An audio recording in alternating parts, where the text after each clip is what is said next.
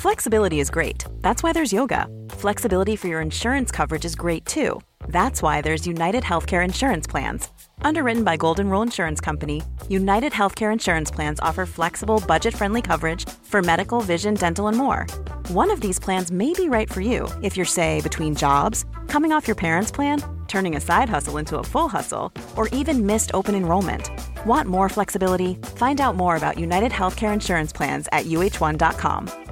Hey, I'm Ryan Reynolds. At Mint Mobile, we like to do the opposite of what Big Wireless does. They charge you a lot, we charge you a little. So naturally, when they announced they'd be raising their prices due to inflation, we decided to deflate our prices due to not hating you. That's right. We're cutting the price of Mint Unlimited from $30 a month to just $15 a month. Give it a try at mintmobile.com slash switch. $45 upfront for three months plus taxes and fees. Promo for new customers for limited time. Unlimited more than 40 gigabytes per month. Slows. Full terms at mintmobile.com. Hva slags eh, ny Harald får vi se denne sesongen, tror du? Jeg kommer til å skarre på alle r-ene mine. Hvorfor det? Eh, nei, det jeg tror det blir mye av det samme, egentlig. Ah, Ok. Litt latter, kanskje? Det skal jeg faktisk prøve på. Løser de snippen? Absolutt. Ok, men da er jeg veldig fornøyd. Og smekken nede. Nei, den skal oppe.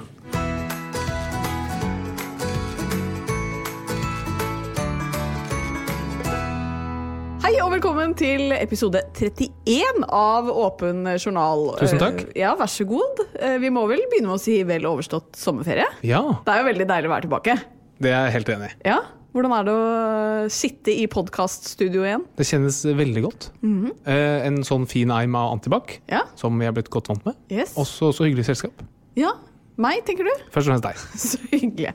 For vi er eh, mer enn klare til å gi dere en eh, ny sesong. Eh, Har mange spennende temaer på trappene.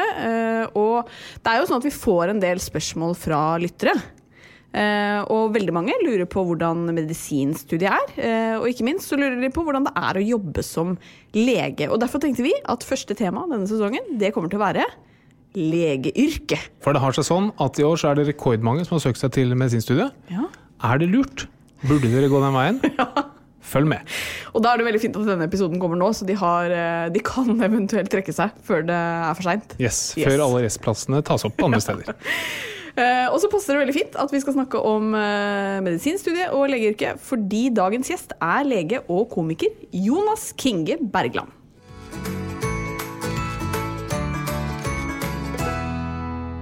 Og vi har jo da hatt eh, tre uker ferie sammen, eh, Harald. Det har jo vært eh, veldig hyggelig. Syns du det var nok? Nei, jeg kunne godt hatt enda mer ferie. Ja, det føler jeg alltid. Og jeg går alltid inn i en eh, liten depresjon når ferien er over, for jeg tenker at nå er det ett år til neste gang. Ja. Men eh, vi har jo kost oss veldig. Vi har vært på hytteturer med venner, vi har vært på Tjøme, vi har vært på fjellet, og så har vi tatt over huset vårt. ja, tenk det. Ja, Blitt huseier. hvordan er det? Det har vært eh, veldig bra. Altså Det å flytte er jo en eh, litt eh, tung og vanskelig prosess, men det går overraskende bra. Og når vi flytter inn i et sted vi liker, og for så vidt fra et sted vi liker også, men jeg må si det har gått veldig bra. Ja, og så er jo en som har fått totalt overtenning når det kommer til å flytte i hus. Ja, Ja, Og det er ikke meg. det er ikke deg, nei. Hvem er det da? Ja, du kan jo gjette. Nei, men eh, altså, du sikter vel kanskje til meg her, som er den andre personen i rommet. Ja, Og eh, ja, det er noen premisser jeg har satt for eh, når man kjøper hus, så må noen ting være i orden. Og vi har en gressplen eksempel, som ikke er fryktelig stor, men uh, robotgressklipper det syns jeg man kan og bør og må ha. Ja, for det første første vi gjorde eh, da vi skulle overta huset, det var å dra på Elkjøp. eh, og rett og slett raide Elkjøp for alt som hadde robot i navnet sitt. Yes. Ja. Så du har jo fått robotgressklipper, robotstøvsuger, eh, og alle disse tingene har jo du som en app på mobilen din. Det er riktig. Eh, og nå har vi jo nesten ikke budsjett igjen til møbler, fordi du har kjøpt disse tingene. Yes. Men når gulvet er så støvfritt, så trenger du ikke ha noe møbler å se på. Nei, det er jo helt enig. Men det verste er at du har fått navn på det òg. Ja, Så robotstøvsugeren den heter Annelise, oppkalt etter min kjære svigermor, som eh, også er veldig glad i å støvsuge. Og robotgressklipperen den heter Grunde, etter megleren vi brukte da vi både kjøpte og solgte. En flink eh, fyr som står på ute i hagen. Og så er det jo sånn at du har jo blitt så glad i disse dingsene at eh, når det regner f.eks., så må du ut og sjekke hvordan det går med Grunde. Ja, det må jeg. Eh, fordi den, eh, han tåler regn, Men Ja. eh, det er veldig sånn stusslig å se på han stå der og bli klissvåt, stakkars. Ja, ikke sant. Så det går an å kjøpe, det har jeg sett på nettet, egne garasjer til robotgressklippere. Ja. Med en elektrisk port som går opp og igjen. Så det står øverst på ønskelisten min. Ja. Jeg tenker, Skulle vi prøvd å kjøpe en sofa, et bord eller en stol før vi gønner på med et eget hus til robotgressklipperen? Ikke nødvendigvis. Nei. Men øh, det som også er gøy, er at du har jo øh, Vi har jo det, det er jo en Ja, den er ikke kjempestor, men vi har en hage hvor det liksom vokser alt fra gress til blomster og det som er. Men du har også kjøpt noe annet øh, til denne hagen. Ja, en sånn der Ja. løvetannsopptaker. Ja. Du, det er det nest beste kjøpet jeg har gjort i 2020. Helt genial. 499 på f.eks. Jernia, eller noe sånt. Så nå gleder jeg meg for hver løvetann jeg ser, Ja. for de fjernes veldig enkelt med denne løvetannfjerneren. Ja, og det gjør de, men det etterlater jo store hull. Så det ser ut som det har bodd en muldvarp i hagen etter at du har vært her. Det er sant. Men det er i hvert fall fritt for løvetann. Ja. En annen ting du har fått deg, er jo eh, nytt alarmsystem. Ja, Gratulerer så mye med det. tusen takk for det. Hvor fornøyd er du med det? Veldig fornøyd.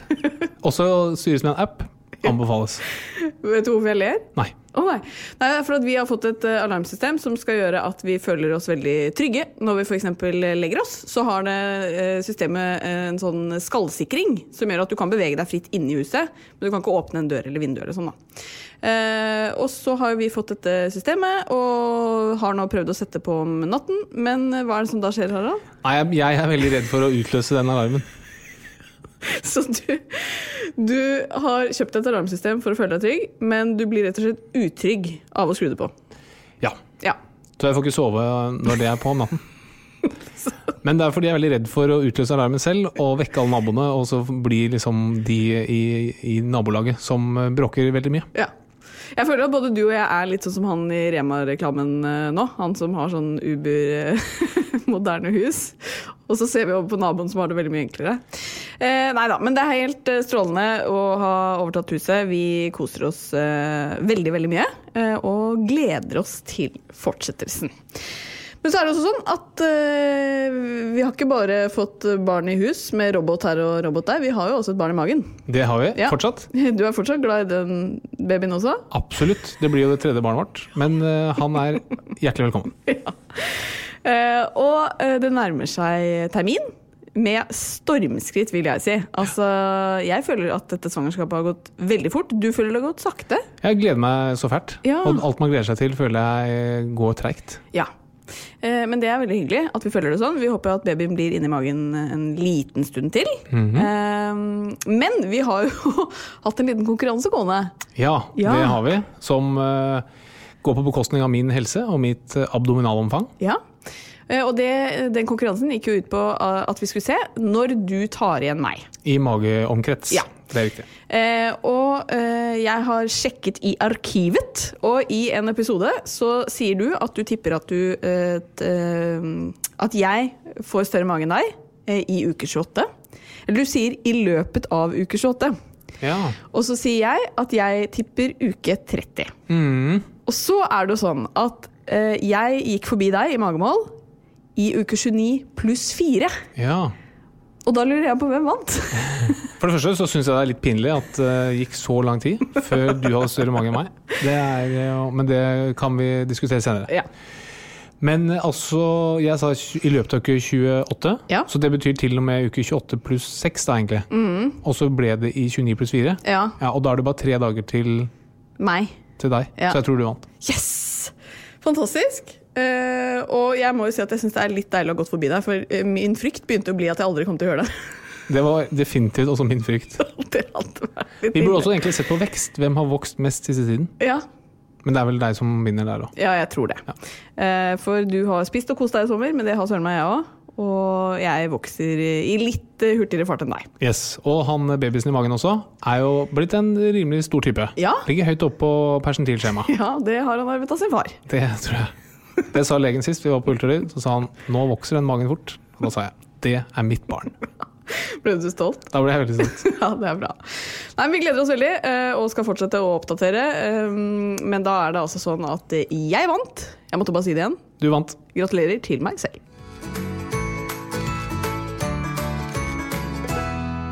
Ettersom at du Harald, har jobbet som lege nå i fem år, er det det? Ja, altså du får jo kanskje enda litt mer, fordi man får jobbe som lege underveis på studiet. Det kan du si. Så du har jobbet i over fem år som Yes, lege. Helt riktig. Eh, og jeg har gått på legestudiet i drrp, 60 år. nesten ti år. Har du det? Ja, brukt ti år på fem år. Eh, Og likevel så sitter du igjen med så lite? Nei, det jeg alltid føler behov for å si, at jeg har aldri strøket på en eksamen, jeg har aldri dumpet på et kull. Jeg har bare tatt mange permisjoner underveis, som har gjort at det har tatt litt lengre tid enn det alle andre bruker. Eh, men det gjør jo at eh, både du og jeg har jo en og annen ting å si om det å være lege. Eh, og vi får veldig mange spørsmål fra venner, kjente og ikke minst lyttere som lurer på hvordan det er å studere medisin, og hvordan det er å jobbe som lege. Så derfor er dagens tema nettopp legeyrket. Og aller først, kan ikke du bare begynne med å si litt hvordan du syns det er å være lege? Jo, det kan jeg. Det å være lege det er kjempegøy. Det er en fantastisk eh, jobb å ha. Det er en eh, utrolig eh, tilfredsstillende rolle å få lov til å ha for andre.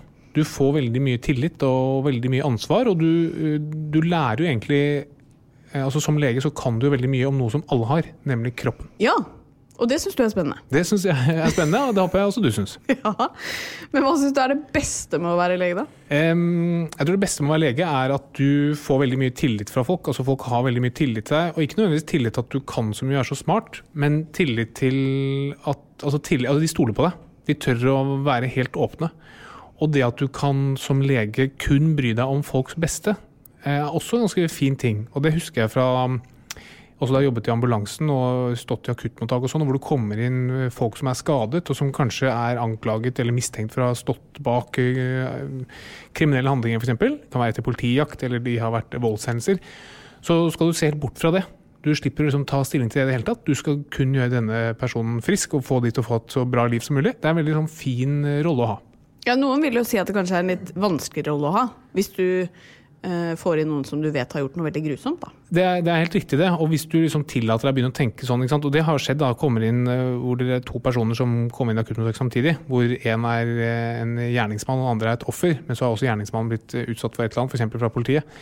Så hvis du begynner å tenke på ok, her putter vi mer ressurser i offeret her enn andre, det, det er veldig lett å tenke og gå i de baner, men det er også veldig tilfredsstillende å bare ikke tenke på det i det hele tatt. Og ikke ta hensyn til det. Du skal kun gjøre det du kan, og det er å gjøre folk friske.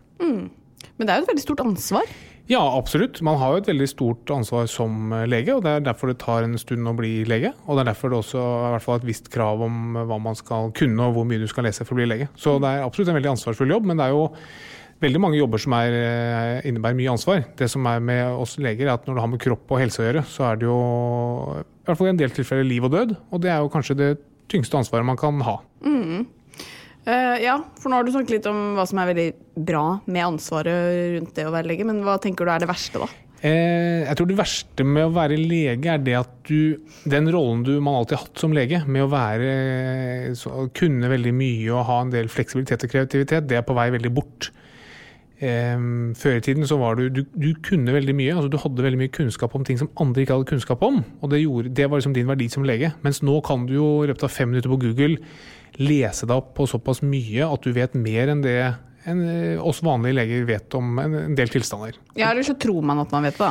Jo da, absolutt. og Det er ikke for å undergrave det, men, men og det, det er en grunn til at det tar så lang tid å bli lege. Men det blir jo stadig mer pasienter som kommer med bestillinger til leger. Og det er vanskeligere og vanskeligere å stå imot det, fordi kunnskapsgrunnlaget begynner å bli relativt likt. Da. Det finnes så mye god og kvalitetssikret informasjon på nettet at det er vanskelig å stå imot som lege. Nytter ikke å si at du, dette kan jeg bedre enn deg, eh, bare fordi du har tittelen lege.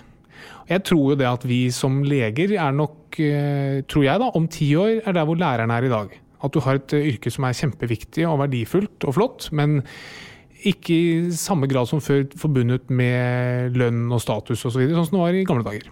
Men det er jo tilbud og etterspørsel. da. Altså Nå utdanner jo hver 60. person seg i Norge utdanner seg til å bli lege. Det fødes 60 000 barn i Norge, det er over 1000 som studerer medisin. Og det er jo over 1000 stykker som venter på å få sin første jobb, altså som turnuslegejobb. Det er bare et begrenset antall plasser. Eh, Og det sier seg selv at når du får så mange som er ferdig utdannede leger, og det er et begrenset antall plasser, så gjør det noe med vilkårene. Da. Og det tror jeg det ser man også en utvikling går i retning av at leger må begynne å jobbe mer kveld og helg og natt uten å få den kompensasjonen man tidligere har fått for det. Og det er fordi det finnes såpass mange leger. Så dette er helt standard markedsøkonomi. Tilbud og etterspørsel. Så på en side så tenker jeg at jeg syns leger man har en såpass viktig jobb og såpass ansvarsfull jobb, og det er viktig å holde mm, leger objektive og kun ha pasientens interesse. Eh, altså at Det er det viktigste for legen, men samtidig så er det jo et oppdrag fra samfunnets side om å få legejobben til å være så, få gjort den så billig som mulig. Det er bedre at legene får så lite betalt som mulig, så kan de heller bruke pengene på andre ting. Dyre medisiner og gode medisiner osv. Så, videre. så det er en sånn vanskelig sånn interessekonflikt der. da. Og det er jo sånn som der hvor jeg jobber nå, så leier vi jo inn forskjellige typer arbeidsgrupper. Og leger er jo den nest billigste arbeidsgruppen vi leier inn. Mm. Altså det finnes, Hvis du går en bachelor i noe kreativt for eksempel, eller blir designer, for eksempel, så koster det oss som selskap dobbelt så mye å leie inn enn med den bakgrunnen enn å leie inn en lege. Og Det sier litt om hvor man er på vei. da. Mm. Men nå har du bl.a. jobbet som kirurg på sykehus. Eh, hvordan ser en dag ut da? Så Det er jo supermorsomt. Kirurgi er fantastisk gøy, og jeg syns også å jobbe på sykehus er kjempemorsomt. Det, det, er veldig få ting som slår det. Og mm, En vanlig dag på sykehus, da kommer du på jobb om morgenen, og så er det det som heter morgenmøte, hvor man samler alle legene på avdelingen og diskuterer litt de pasientene som er innlagt. Det er noe som har gått gærent, det er noe som har gått bra. og Alle får sitte og delta i en sånn faglig diskusjon, som er kjempefin. og Eh, viktig for utviklingen både på avdelingen og alle legene som er der. Og så går man og gjør det som eh, man skal gjøre den dagen, f.eks. går og opererer. Står på operasjonsstua og eh, fjerner blindtarmer, eller opererer brukne hofter, eller keisersnitt eller noe. Og så mm, gjør man det hele dagen, og så tar man en tur opp på sengeavdelingen på slutten av dagen og ser på alle pasientene som ligger der, ser hvordan det går, skriver ut noen fra sykehuset, og så går man hjem. Ja, og det syns du er ekstremt gøy? Ja, altså Sykehus er fantastisk gøy. Det er så mye flinke folk. Det er så uh, hyggelig miljø. Man vil det samme. Eh, så det er en veldig fin ting. Det som også ser igjen, da, nå er jeg kanskje litt pessimistisk, men den utviklingen det går i, er jo det at um, man er mer og mer skjemabasert. Det er mer og mer krav til produksjon. Hvor man ser at ok, her opererer vi 30 hofteproteser i uka, nå skal vi gå til 40 f.eks. Og sykehusene styres jo i større grad, altså i mindre grad av leger. da. Det er veldig få sykehus som styres av leger. Det er mer på økonomisiden, og det er veldig mye som er bra med det. Jeg tror du får bedre kvalitet av det. Altså Pasientene får mye bedre kvalitet. Det er bedre for samfunnet sånn kostnadsmessig. Men for legene så er det mye mye dårligere. Der blir mm. vilkårene bare dårligere og dårligere. Det er helt sikkert. Men som kirurg så får du jo oppleve litt av hvert. Eh, blant annet så opererer du ikke bare hofter og øh, blindtarmer, du opererer også ut avokadoer. Ja, så jeg jobber på en avdeling som, med gastrokirurgisk avdeling, da, som er, som er mage-tarmoperasjoner. Ja. Og det var jo ikke en uvanlig problemstilling at folk kom inn med fremmedlegemer i diverse kroppsåpninger. Ikke sant? Og det er gjerne da, for da har man typisk vært på legevakta først. Og så får ikke eh, legene på legevakta får ikke operert ut f.eks. en avokado i stumpen, og så kommer de til oss, og så fjerner vi den. Ja. det kan jo for andre kanskje høres litt spesielt ut? Ja, det er jo, det er jo litt spesielt. Jeg syns også det. Ja, for Det jeg tror folk liksom lurer på i sånne situasjoner, er jo hvordan er møtet mellom legen og pasienten? Klarer man å holde seg helt på en måte øh, objektiv og seriøs? I noen situasjoner som åpenbart blir litt komiske, da. Ja, da, det blir litt komisk. Ofte så er pasienten er litt enig, liksom. Sier ja. at ja, dette var kanskje litt rart. Det er folk som kommer inn som har liksom, åtte poteter i rumpa, og så Hvorfor åtte, liksom? Kunne ja. ikke gitt deg to eller tre. Eh, mens andre syns det er bare kjempeubehagelig, og da klarer man å holde et alvorlig eh, uttrykk. Mm. Og Når man opererer, du legger jo folk i, i, narkose for å få gjort dette her, og det er jo en alvorlig ting å gjøre, så man, man holder en viss profesjonalitet. Men eh, altså humoren i det, den er jo åpenbar, og man kan jo sitte og fleipe litt eh, både internt, men også med pasienten i en del tilfeller. Mm. Men det er jo det, du kommer ekstremt tett på mennesker øh, i sånne situasjoner, men også i veldig sårbare situasjoner. Hvordan syns du det er? Nei, det er liksom det som er veldig fint med å være lege, at du får komme så utrolig tett på. Du får være en veldig viktig person. Og det husker jeg tenkte på da jeg jobbet på sykehuset, at uh, du får stå liksom i enden av en ambulansetur. Altså, Når du er i trafikken og kommer en ambulanse, så flytter du deg ut av veien. Og når du er lege, så det er deg den ambulansen skal til. Det er derfor folk flytter seg, det er derfor de får kjøre med blålys og ligger i 150. Det er fordi de skal til deg. Du besitter en sånn kunnskap som, som de trenger. Det er veldig fint, da, hvis man tenker på det sånn. Og det er vel veldig få yrker som gir deg den muligheten til å kunne bety så mye for andre mennesker. Og det tror jeg alle vi mennesker har hatt behov for, å være betydningsfulle. Mm. Men samtidig kommer man jo veldig tett på sykdom og død. Ja, det gjør du. Og det, det tror jeg du blir ganske fort uh, litt sånn herdet på, og du får et veldig objektivt forhold til det. Jeg husker Før jeg begynte å studere medisin, så tenkte jeg at jeg syns blod og sånn er så ekkelt at jeg vet ikke om jeg får dette til. Men du får veldig fort et uh, si, akademisk perspektiv på det. At du tenker at så, dette, er en del av, uh, dette er en del av livet. Mm. Men det er jo mange ganger jeg har kommet hjem fra jobb og liksom tatt et ekstra godt tak rundt deg og klemt på deg og sagt at fy søren, vi må liksom huske på det vi har, fordi ting kan bli revet vekk. Mm. Ja, og noe som gjør veldig inntrykk på deg, er jo uh, når du gir uh, dårlige beskjeder uh, til pasienter og pårørende. Hvordan syns du det er? Nei, det, det, som er vanskelig rundt det, er, er at det er veldig Det er ofte ikke lett å være bastant. Det er veldig sjelden å si at du, dette går garantert dårlig, eller dette går garantert bra. Du må forklare at her er det en viss sannsynlighet for at det går bra, eller en viss sannsynlighet for at det går dårlig. Og det, det skjønner ofte ikke pasientene. da. Så hvis du, hvis du har fem pasienter, f.eks., og så forteller du alle at du, her er det 80 sannsynlighet for at du overlever, så vil det statistisk sett være en av de som dør. Men de pårørende da vil si sånn Du, hvordan kan denne pasienten ha dødd? Du sa det var 80 sjanse for at han skulle overleve. Da han sier jo, men husk på at 80 det betyr at én av fem faktisk dør av dette. Så Det er ganske vanskelig å stå i. og Det samme er det med kreftdiagnose. Det leser man om i media stadig vekk. Legen sa jeg bare hadde ett år igjen og lever fortsatt på fjerde året. Og Det er veldig vanskelig. Men det kommer mer på den kommunikasjonsbiten enn på det, det følelsesmessig vanskelige. Er man ikke egentlig veldig forsiktig med å, å bruke tall? Jo, veldig. Ja. Men, men, som pasient, og det ville jeg nok gjort selv også, mm. du må ha det. Liksom, hva betyr dette her? Ja. Eh, og Det husker jeg også da vi var i Thailand da din far ble syk i 2013. Da var han ganske alvorlig syk og lå på intensivavdelingen på Rikshospitalet. Og vi ringte til han legen og sa sånn, du, vi er i Thailand, skal vi komme hjem eller skal vi ikke komme hjem? Og da sa han legen nei, det kan ikke jeg svare på.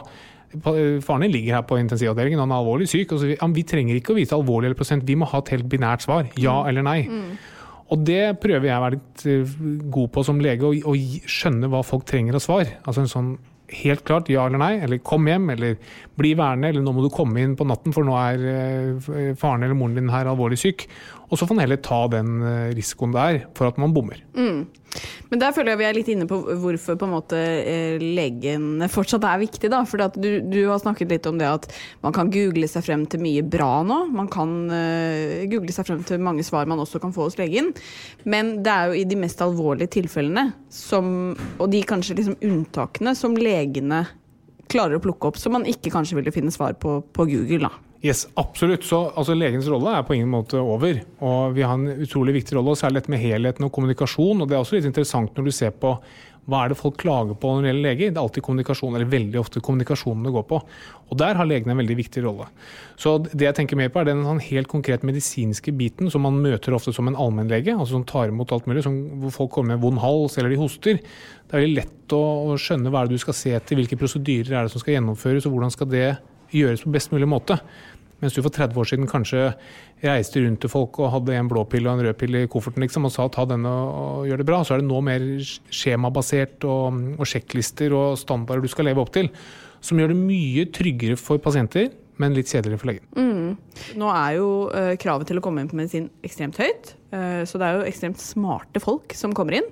Og jeg må si at uh, første uka på medisinstudiet så tenkte jeg at dette er ikke for meg. Her hører ikke jeg hjemme. Fordi jeg eh, følte kanskje ikke at jeg eh, så så mange andre som jeg kunne liksom kjenne meg igjen i. Eh, at folk var veldig flinke og elsket på en måte faget fra første stund, mens jeg var litt sånn ja, nysgjerrig på det, men, eh, men, også glad i å ha et liv ved siden av lesebøkene. på en måte. Hvordan opplevde du det? Jo, altså jeg forstår helt Det jeg husker da jeg begynte på medisinstudiet, var det at du, du, følte at du hadde tatt liksom, de mest skoleflinke på hele kullet fra videregående og så samlet i ett sted. da. Så det er liksom utrolig dedikerte folk. Og det, er, det gjør det kjempebra. Det er et veldig godt miljø og hyggelig miljø. Men, eh, men, nei da, det er jo absolutt en bestemt type veldig skoleflinke folk som er der. Men jeg syns også et veldig bra sosialt miljø og utrolig mye hyggelige og flinke folk. Men det er også noe som jeg tror påvirker vilkårene. Nå er det jo For 30 år siden var det jo overvekt av mannlige leger. Nå er det jo vel under 30 i hvert fall i Norge, av de som studerer medisin, som er menn. Mm.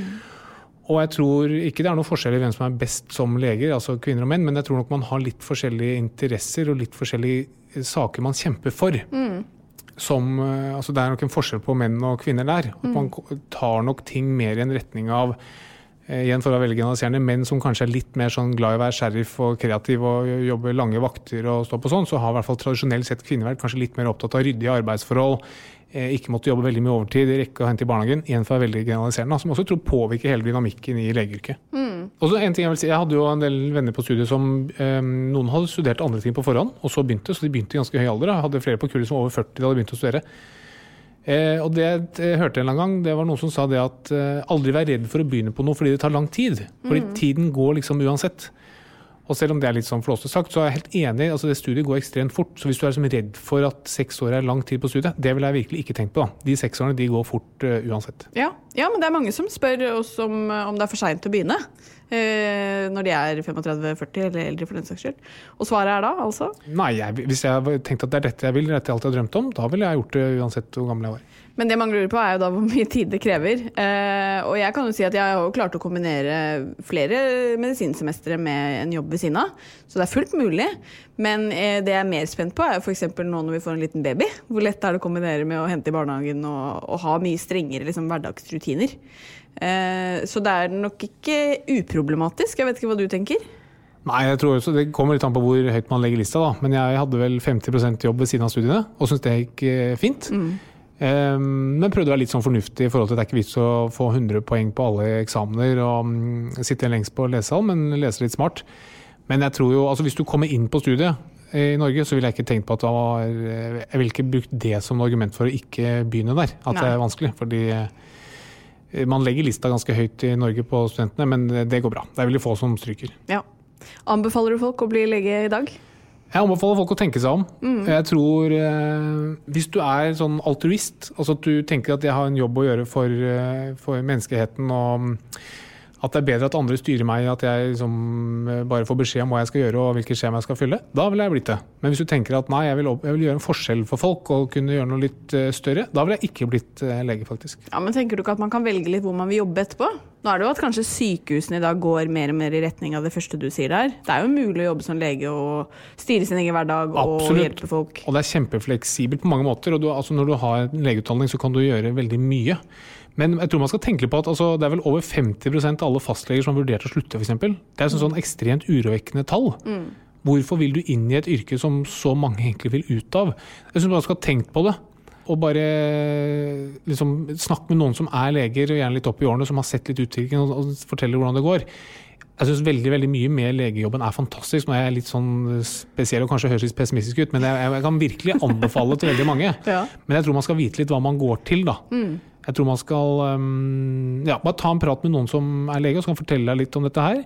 Og jeg tror også når jeg nå ser, nå som jeg har gått litt ut av den sykehusbiten, og, og ser hvordan andre mennesker jobber eh, så ja, Du tjener ganske godt som lege, men du jobber veldig mye. og Du jobber nattevakter, og du jobber på julaften. Og jeg tror det er veldig få andre yrkesgrupper som du ville fått til å jobbe eh, den type skift for den prisen som legene mm, får.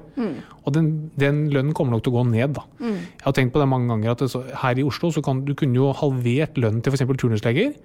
Den kunne du halvert, og at likevel fylte opp plassene.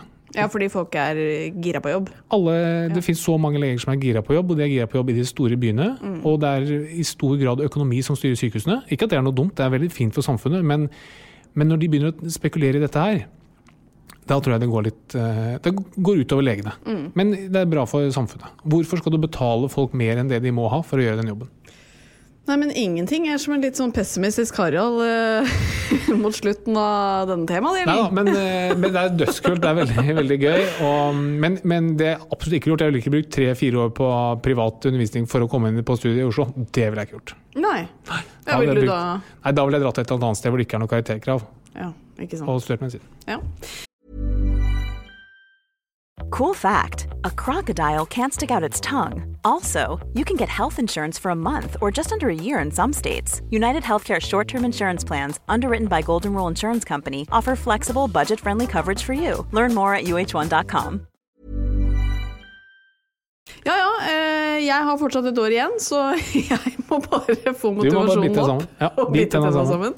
Eh, og det gleder jeg meg veldig til. Eh, det er kjempespennende, men det koster litt. Og ikke minst så bør man tenke seg godt om, for det er en lang vei å gå. Ja, men veldig gøy være lege. Alle mine legekolleger, dere gjør en fantastisk jobb. Jeg er veldig glad i dere. Eh, man kan være litt flinkere til å ta vare på egne vilkår og interesser. Der syns jeg vi legene kanskje kunne vært litt eh, flinke til å gå sammen. Men, eh, og alle som vil inn i denne gjengen her, inn i vårt legeklem, velkommen. Dere er ønsket, dere er superflinke, og sammen skal vi gjøre denne verden til et bedre sted å bo.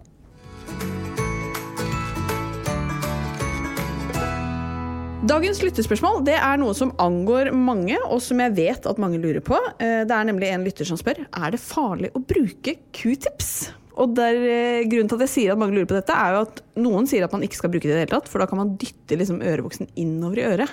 Hva stemmer, Harald?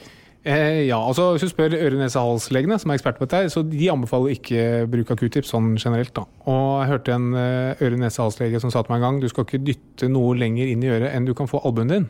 Altså, Så langt inn du kan få albuen din, det er så langt du skal dytte noe inn i øret. Hvis du prøver å ta albuen din i øret? Ja. Okay. Og den får du ikke veldig langt inn i øret.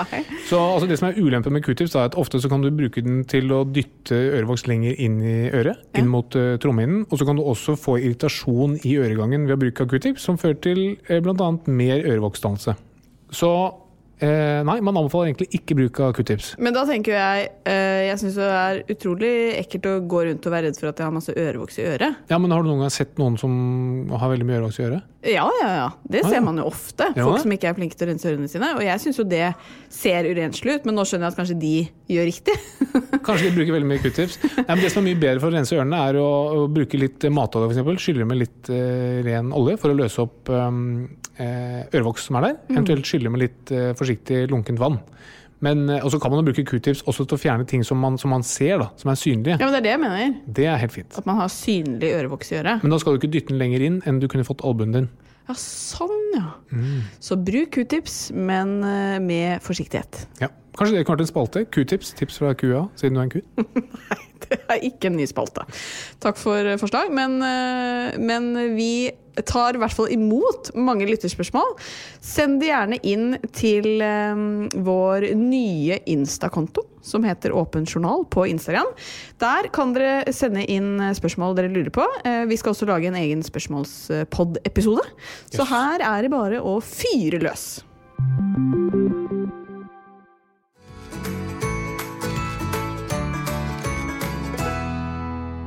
Har en ny sesong, og det betyr også nye gjester. Og først ut så har vi lege og komiker Jonas Kinge Bergland. Velkommen. Takk for det. Du, nå har vi eh, snakket eh, litt om medisinstudiet og legeyrket før du kom. Eh, Harald har jo vært lettere pessimistisk. Eh, bare sånn helt i starten. Du, har du trua på at vi trenger lege fremover?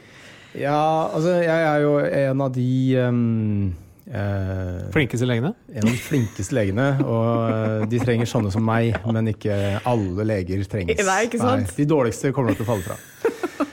Nei, altså jeg har lest litt sånn sånn her, eh, om teknologi og sånn som, eh, som kanskje kan ta over en del av rollene til særlig eh, fastleger. Og, mm, eh, og det er jo en sånn ja, det er interessant fremtidsskue, da.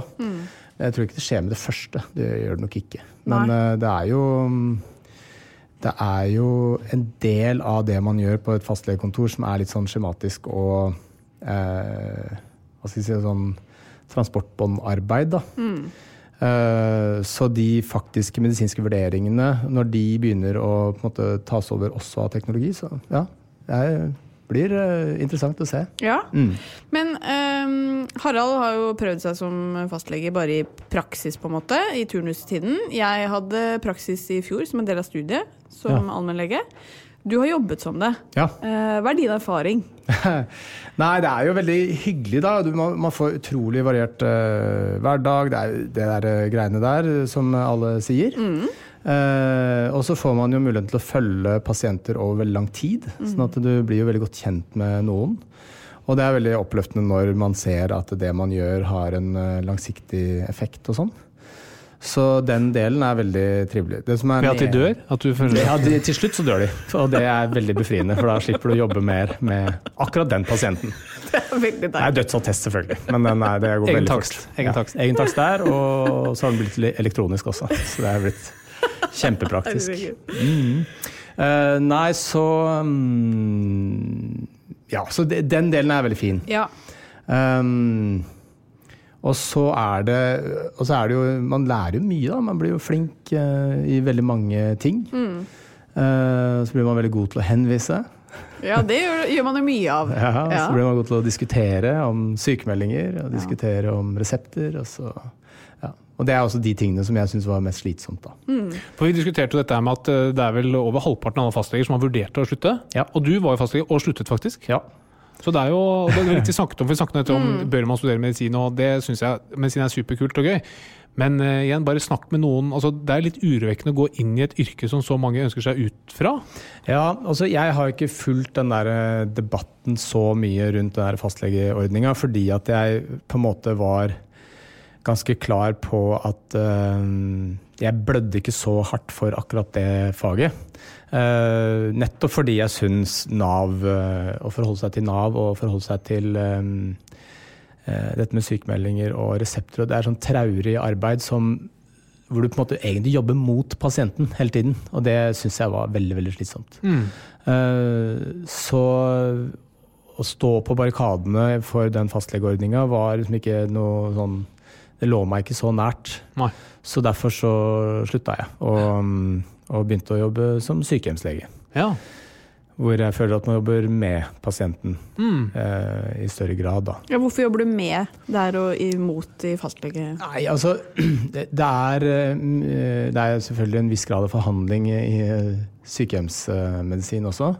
Med tanke på smertestillende og medisiner og sånne ting som eh, mange beboere vil ha. Men eh, i eh, fastlegepraksis så syns jeg det eh, For meg så var det veldig slitsomt. Ja.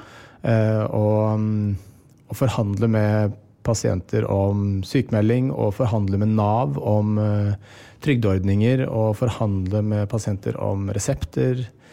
De som er pilleavhengige, ikke sant. Og det er, eh, det er en sånn pågående kamp som eh, noen takler veldig bra. Jeg takla det ganske dårlig. Følte du at du visste nok om dette da du studerte medisin? Eller da du vurderte å studere medisin? Hvordan en sånn arbeidshverdag ser ut? Nei, egentlig ikke. Jeg føler jo Vi ble jo fortalt en del om, eh, om det at eh, noen pasienter er sånn og noen pasienter er sånn, og de har en eh, sånn personlighetstype og, og kommunikasjonskurs og sånne ting, så var det sånn små drypp av de greiene der. Men um, å stå i en diskusjon med en pasient som er eh, dønn avhengig av Paragin forte og tramadol, og trenger eh, endte resept på det, eller som eh, ønsker en, eh, et skjema som, eh, som argumenterer for at de skal få uføretrygd, f.eks. Mm. Når du selv mener at de ikke trenger det. Og liksom De kampene man tar inne på legekontoret der, syns jeg ikke vi ble forberedt så godt på.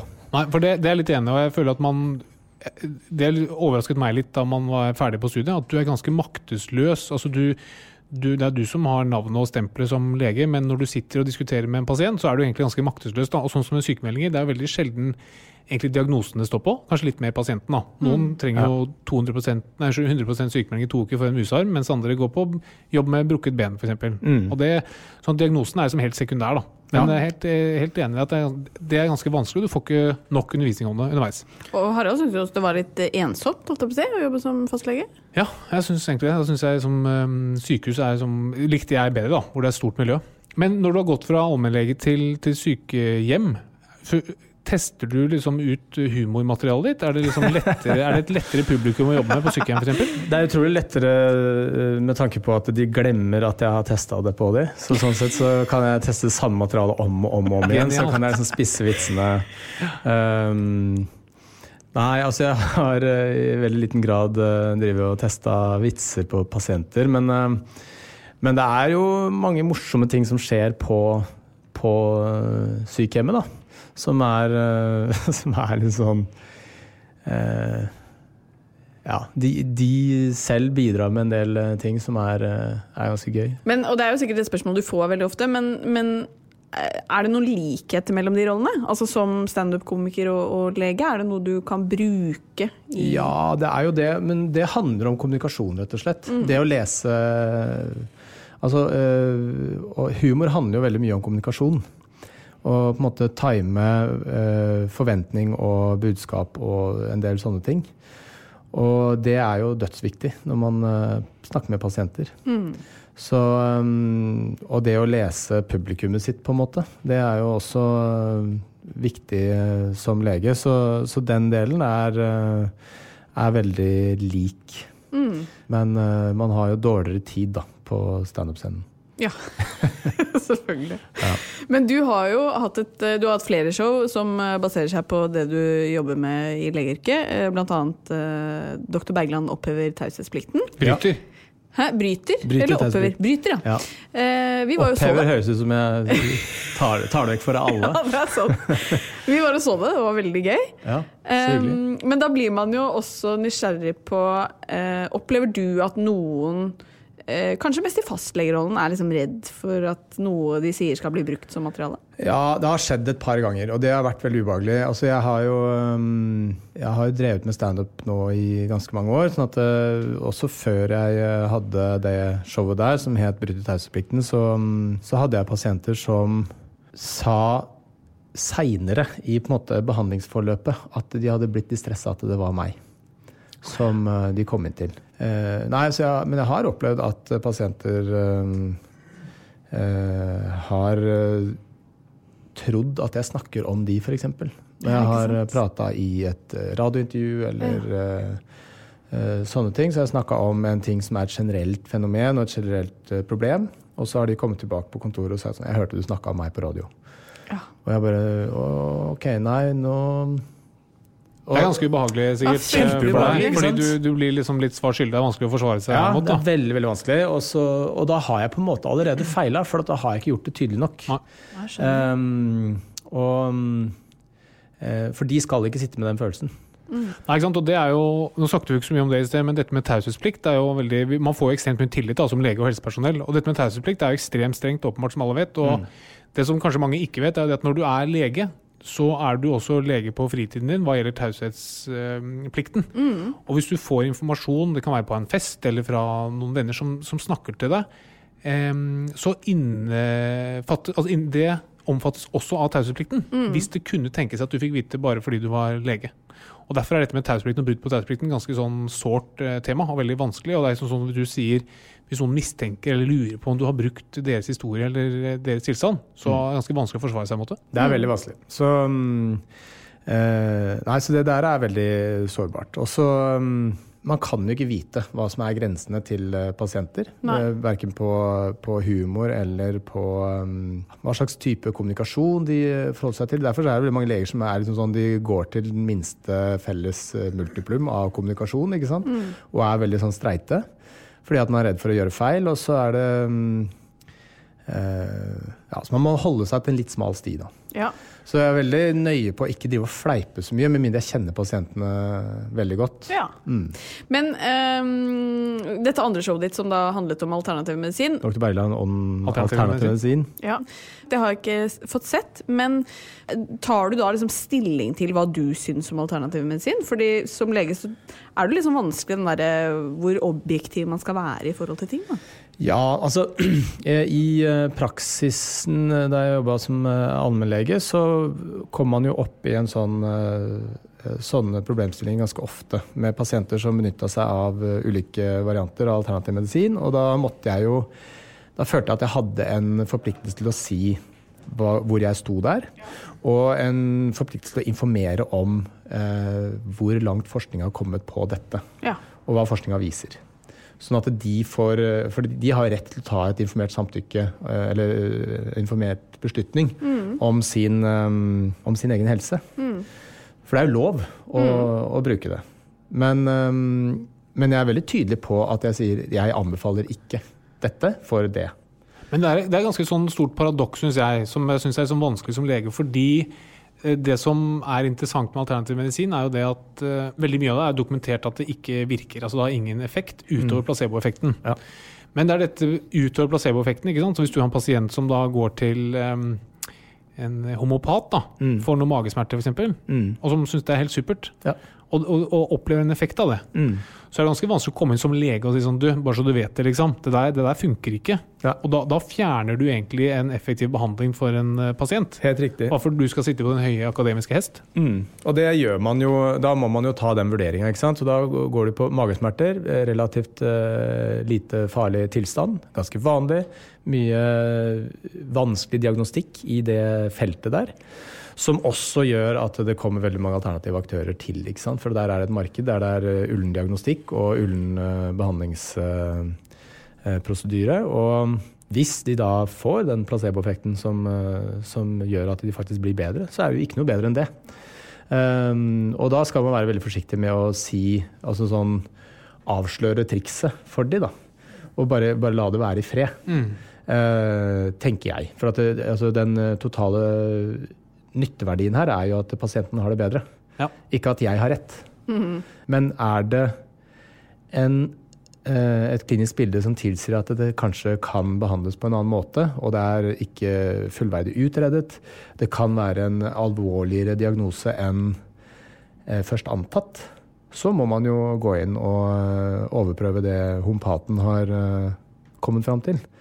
Er det bare for å måte, rette opp min egen stolthet, så ser jeg ikke noe verdi i det.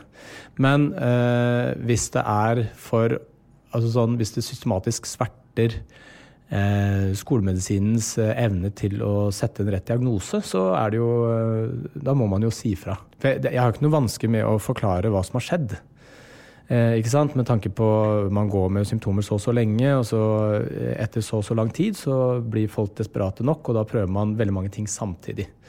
Og eh, det sammenfaller også ofte med da symptomene pleier å gå over av seg selv. Så er det jo det som er med skolemedisinen. at sant, Du kommer inn med magesmerter, Mm. og så utelukker du alle de ti tingene det kan, farlige ting, og så sier du liksom dette får bare gå over. da. Ja. Det er også litt sånn arrogant, og det er, det er kanskje der det rommet for alternativ medisin åpner seg. Ja. At du har vært hos legen, og det som legen er veldig tilfredsstilt med at jeg vet ikke hva det er, men jeg vet hva det ikke er. Mm. Men, det holder ikke for en pasient. da. Nei, det er akkurat det. Også en lege har jo en tendens til å være kort og, og verdensvant og mm, litt lite imøtekommende. Jeg har jo vært hos homopat, jeg har vært hos akupunktør, jeg har vært hos reiki healer, alle disse her folka her i sånn researcharbeidet til showet. da. Ja. Og de, er jo, de bruker jo vanvittig lang tid. De er ekstremt grundige på den anamnesen og ø, bakgrunnshistorie og alt mulig sånt noe. Man føler seg ekstremt ivaretatt. ikke sant? Og de er gode til å prate, og det er en veldig fin eh, setting man, eh, man sitter i. Men jeg tror det er, det er Ja. mye å lære. Det husker Ja. jeg veldig godt fra Jeg så den der filmen hos Snåsamannen. Det var underveis i studiet. Som er veldig interessant. Og, um, og det, hus, det jeg husker jeg la merke til der, var at uh, den første pasienten som du ser går inn til Snåsamannen, som setter seg da i Da har han Snåsamannen en sofa. Hvor pasienten setter i samme sofa som Snåsamannen. Og det første han sier når han, pasienten setter seg der, for du setter seg liksom i andre enden av sofaen, sier han sånn Du, kan ikke du sette deg litt nærmere meg? Og det er liksom noe helt annet enn å sitte vis-à-vis, og du har liksom pulten imellom og skjermen imellom, som du vanligvis gjør som lege. Da. Og allerede der tror jeg det skjer ting Ja. i den dynamikken. Og bare ha tid og liksom høre på og forklare, mens du som lege starter i andre enden. da. Der tror jeg kanskje vi leger har noe å lære av alternative behandlere. Absolutt, og det er jo det som er, ikke sant? At det, kan godt tenkes at det finnes masse alternative behandlere som er skikkelig dårlige til å kommunisere, men det kommer ikke fram. Fordi at man hører om de eh, måte, Det er en bekreftelses... altså confirmation bias. da. Altså Du drar til en homopat som er dritgod til å kommunisere. Så tenker du alle homopater er gode til å kommunisere. Du går til én lege som er dårlig til å kommunisere. Det er ganske mange leger faktisk da, som er dårlige til å kommunisere. Og så trekker man slutningen alle leger er dårlige til å kommunisere. Men eh, før vi går over til quizen, så har Harald og jeg snakket litt om det å velge medisinstudie nå. Ja. Eh, ville du anbefalt folk å gjøre det? Ja, Ja. absolutt. Både fordi at det er eh, et nyttig og interessant eh, yrke, men fordi at det, altså, det er jo så sykt fascinerende fag. Altså lære hvordan kroppen fungerer. Det er jo, altså, det er jo så fett. Det er er helt enig. De er. Det er, det er utrolig fascinerende, og det vil Ja. alltid være bruk for det. Og all, alle har en kropp. Ja, og det er det jeg syns var litt fascinerende da vi eh, Hvor lite man vet hvordan man f.eks. ser ut inne, da. Ja, ja. Eh, som kvinne, og f- som menn, f.eks.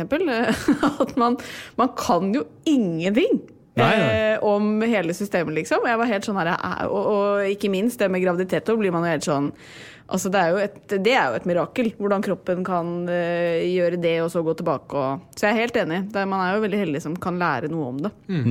Akkurat det med graviditet er ikke så fascinerende, syns jeg. var ikke så veldig Det var ganske kjedelig. Å, kommer en baby ut? Kommer ikke av seg sjøl, da. Det er jo en del innsats i forkant. Veldig. Ja, den er viktig. Den er veldig viktig. Og den skal ikke undervurderes. Der er det tente stearinlys. Selve det der å gro det barnet Altså, folk gjør det overalt i hele verden. har Hele gjort i tiden. tusenvis av år. Tusenvis av år.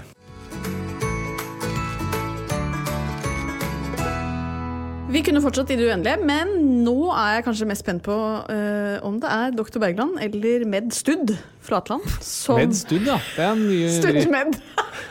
Hun har studert i ti år. Ja. Fem år på vei. Med Stud. Stud Med uh, Flatland som uh, tar seieren i dag. Åh, er det quiz om Det er quiz, ja. eh, Men jeg vet shit. ikke om hva det går i i dag. I dag er det kategorien lett og blandet. Litt blandet, ja. Jeg er ganske god på blandet, men ikke lett. Nei, men vi har satt altså, I og med at det er to Det er én hel lege og Ja. en eh, 83% på papiret lege her, Ja. så er lista lagt ganske høyt. Okay. Ja. Men hun bor jo sammen med deg, da, som er 100% lege, sånn at Ja. hun får jo på en måte en liten dytt i retning mot kanskje 85 eller? Også fordi jeg er så ekstremt kunnskapsrik. Ja. Det rett og slett Og belærende. Og belærende. Ja. Mest det siste. Starter quizen. ja. Da kan vi starte med Bergland. Hva står røntgen for? Eh, røntgen står for eh, Det er vel bare navnet til eh, en eller annen person, er det ikke det? Ja, Eller det er det RTG? Eller er det røntgenstråler? Skal vi se. Er det ikke navnet til personen som oppdaga røntgenstrålene? Ok, Hva sier du, Ja, det ville jo egentlig jeg også tenkt.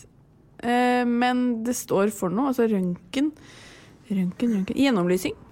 Nei, det er helt riktig. Det er navnet til han som faen. eh, Jeg skulle bare sagt det. Skulle bare sagt Boom! Knuste trynet ditt! Men det er fordi du fikk svare jeg er først. student! Ok, da skal du få neste. Så helt riktig, og du sa det ikke sant? Oppdaget. Ikke Ja. oppfant, oppdaget. Ja. Eh, han het Wilhelm Konrad Røntgen. Ja. Neste spørsmål starter med deg, da, Flatland. Ja. Hva står MR for? MR står for Hva står det for, da? Jeg vet jo CT. Det er veldig bra, for det er spørsmålet etterpå. Å ja. Så mm, Ja, ok. du får ikke si det nå. Ehm, nei, vet du, jeg klarer ikke Det er helt jernteppe. Okay. Vet du det? Er det ikke magnetresonans? Helt Fader, altså. Men da skal du få sanken et lett poeng, Katarina. Fordi det neste spørsmålet er hva CT står for. Nei, fordi nå angrer jeg på det. Uh, jeg hadde lyst til å si sintografi. Altså, du, du, Sintografi er jo radioaktivt. Ja. du prøver å ro deg ut av spørsmålet MR ved å si Ja. at ja, jeg vet jo hva CT står for, og så får du spørsmålet, og så viser jeg at det stemmer ikke. Jeg trodde jeg visste det. Computer, er det det? Jeg spør deg. jeg tror C-en står for computer. Ok, Eh, typografi. ok. Og hva sier eh, Bergland? Computertomotografi. Jeg tror det er litt to for mye. Jeg tror det er tomografi. Tomografi? Ja, computertomografi. Ah, okay. Så får vi begge poeng, eller? Em, du får overhodet ingenting, og Bergland får ett poeng. Jeg sa jo computer. Computer er vel eh, noe. Kom, ja, men, men poeng, når da, hun, hun lanserte det som at hun kunne det, og så Ja, okay. fikk hun en du lissepasning. straff for. Greit. Ja, okay. Så- Men da leder så får, du får straff for hovmod. Rett og slett. Ja. Det visste jeg ikke. Men da leder eh, Bergland. Det er greit, det. Ja, og så neste, Dette bør jo du kunne, Flatland, for dette er du godt kjent med. Hva er det medisinske ordet for fjert? Dette bør du kunne. Dette er, eh, dette er um, uh, insinuerende. fader, i dag er jeg helt Nå har jeg, nå har jeg begynt i ammetåke. Jeg hus, hus, husker ingenting. da har du i så fall vært i ammetåker samtlige podkastinnspillinger. Mm, nei, kommer ikke på det. Ok, Bergis. Flatulens. Det er helt riktig. Flatulens, ja. Mm, Ja. Der satt den. Ja, ja, Knuse trynet ditt altså. igjen. Da får vi starte, da har vi neste spørsmål først til um, Bergland. da. Eh, for jeg våknet her en, en natt, faktisk, ja. av noe som jeg ville kalt eh, flatulens giganticus. Ok. Er det riktig korrekt latin? Giganticus er vel eh, flertallsform, så giganticum, eller? Ok, Flatland, er det korrekt latin? Eh, da får jeg bare si ja, for jeg må hente noen poeng her. Ja, nei, det var ikke riktig. Nei, hva? Så han fikk poeng nå også? Han fikk poeng nå også. Altså. Dette er jo utklassing! Neste spørsmål. Her kan man jo da bruke sine deduserende evner. Eh, hva betyr flatulens? Starter med deg, Katta. Eh, jeg går for gass. Ok. Flatum vil jo være da luft, eller? Nesten vind. Vind, ja. Så det er på gassluft dere får poeng til å få poeng, poeng begge to. greit. Neste spørsmål. Ja, det er bra. Ehm, burde smittebølge nummer to og tre av korona hete cordos og cortres? Eh, Covid-20, da, tenker jeg. Okay. Jeg syns det var gode navn som du sa. Så jeg ville sagt ja. Korona, cordos og cortres? Ja. Ja. Nei, riktig. Det burde hete det. Det burde hete det. Det er på din subjektive hva du syns. Ja, ja, men er, er man quizmaster, så er man quizmaster. Ja, Ja, er greit. Neste spørsmål. Starter med Bergland, da, som har um, koll på alternativ medisin. Virker akupunktur mot migrene? Eh, til en viss grad, ja. Eh, men det er også da eh, innunder det vi kaller for placeboeffekten. Ok. Ja. Katarina? Det ville jeg også sagt. Nei. Å, Gjør ikke? Nå er det faktisk eh, gjort en ny, ganske stor eh, kontrollert studie på det. Oh, ja. Som viser at det har en effekt på migrene. Hvor de har tatt oh. med kontrollgruppe. Har de det? Men så er spørsmålet hvor, hvor godt får du kontrollert med nåler og sånn. Men ja, står i siste Men kan det ikke være placeboeffekten da, som gir det? Det vil alltid være så det du gjør for å unngå ikke sant? Når du tester med piller, så er det lett, da, for du kan ha en pille med virkestoff og en med sukkermidler. Mens her har de faktisk brukt noen nåler, eller tilsvarende nåler, som, til kontrollgruppen. Ah, okay. Dette er jo banebrytende nyheter. Hva, Står det i siste tidsskriftet? Ja. Jøss, det må jeg lese. Ja. Anbefaler det til mine kolleger å holde seg litt oppdatert. Ja. Hva, med, hva sa du? Oppdatert? Skal vi se med to p-er? Ok. Siste spørsmål. Ja! Dette forventer vi at dere kan, som er eh, halvannen lege. Start med deg, Katarina. Hvor Mm. i kroppen har vi menisk? Det er i kneet. Jonas? Det er i kne og kjeven. Ganske bra. Det er Wow. i kneet, i kjeven, i håndleddet og på rundt kragebenet. Begge sider av kragebenet. Hva er det der òg, ja? ja. Har vi kjeven også? ja. Liten minist der. Yes. Noen hører at det klikker litt når man åpner. eh, Ja. Sånn. ja. Det er menisken som ligger og... Jeg, tenkte, jeg trodde du tenkte på den knemenisken. Jeg tenkte på den også, ja. Var den Men det var enda flere. Men de kommer også kanskje på siste året. Ja, det er mye som åpenbart kommer på siste året. eh, Vi får jo det- alle som skal behandles Dr. Flatland, håpe at det er veldig mye informasjon som blir lært bort på siste året. Nei, men Det har vært sommerferie. Jeg har glemt Ja. alt. Har ikke du også ferie? Så du har glemt mye Jo, jeg har glemt eh, passordet til PC-en og sånn. Det er veldig deilig å høre. Men da er quizen ferdig, Ja. og vinneren det ble dr. Jonas Kingeberg. Ja, vær så god. Er du så usympatisk som Ja, du alltid. fremstår? alltid. Jeg, det, jeg sier det til pasientene når jeg setter rett diagnose. Ja, Du kom ikke på det sjøl. Det var kreft, det var det jeg sa! Du, Tusen hjertelig takk for at du kom, Jonas. Hyggelig for at jeg fikk komme. Ja, Det var veldig hyggelig. Hyggelig for at jeg fikk komme. En dårlig setning. For, tusen takk for at jeg ble invitert. Er det, jeg må gjøre det korrekt. Altså. Tusen takk for tar at jeg komme. Ja, Jeg også. dere er jo ikke høyintelligente, det er helt sikkert Jeg også fikk komme. Takk. Tusen takk for nå. Vi er tilbake neste uke. Hei, hei. Plan B.